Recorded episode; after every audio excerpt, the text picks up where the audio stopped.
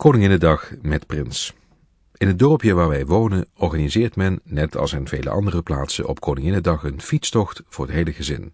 Deze fietstocht wordt afgewisseld met spelletjes, maar voordat deze begint is er op het plein van het gemeentehuis eerst nog het ballon oplaten. Terwijl de plaatselijke harmonie van de ene kant van het dorp naar het gemeentehuisplein loopt, verzamelen zich op het bordes alle door de koningin geridderde dorpsgenoten. De burgemeester staat daar dan tussen en probeert tussen het gillen en schreeuwen van de kinderen daar ook nog het een en ander te vertellen. Ook wij storten ons ieder jaar in dit feest en samen met onze kinderen stonden wij dus ook naar de hele ceremonie op het versierde bordes te kijken. Op een gegeven moment zei onze kleinste dochter, en wie is nu de koningin? Eigenlijk een hele logische vraag. Want rond 5 december zie je in het dorp en bij je thuis de Goedheiligman in eigen persoon.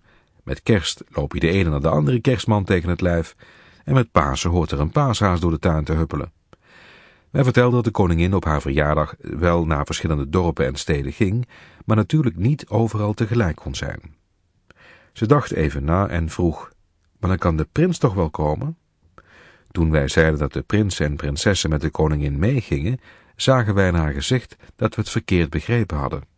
Ik bedoel natuurlijk de echte prins Tony, en die kan toch wel komen, want die woont toch hier?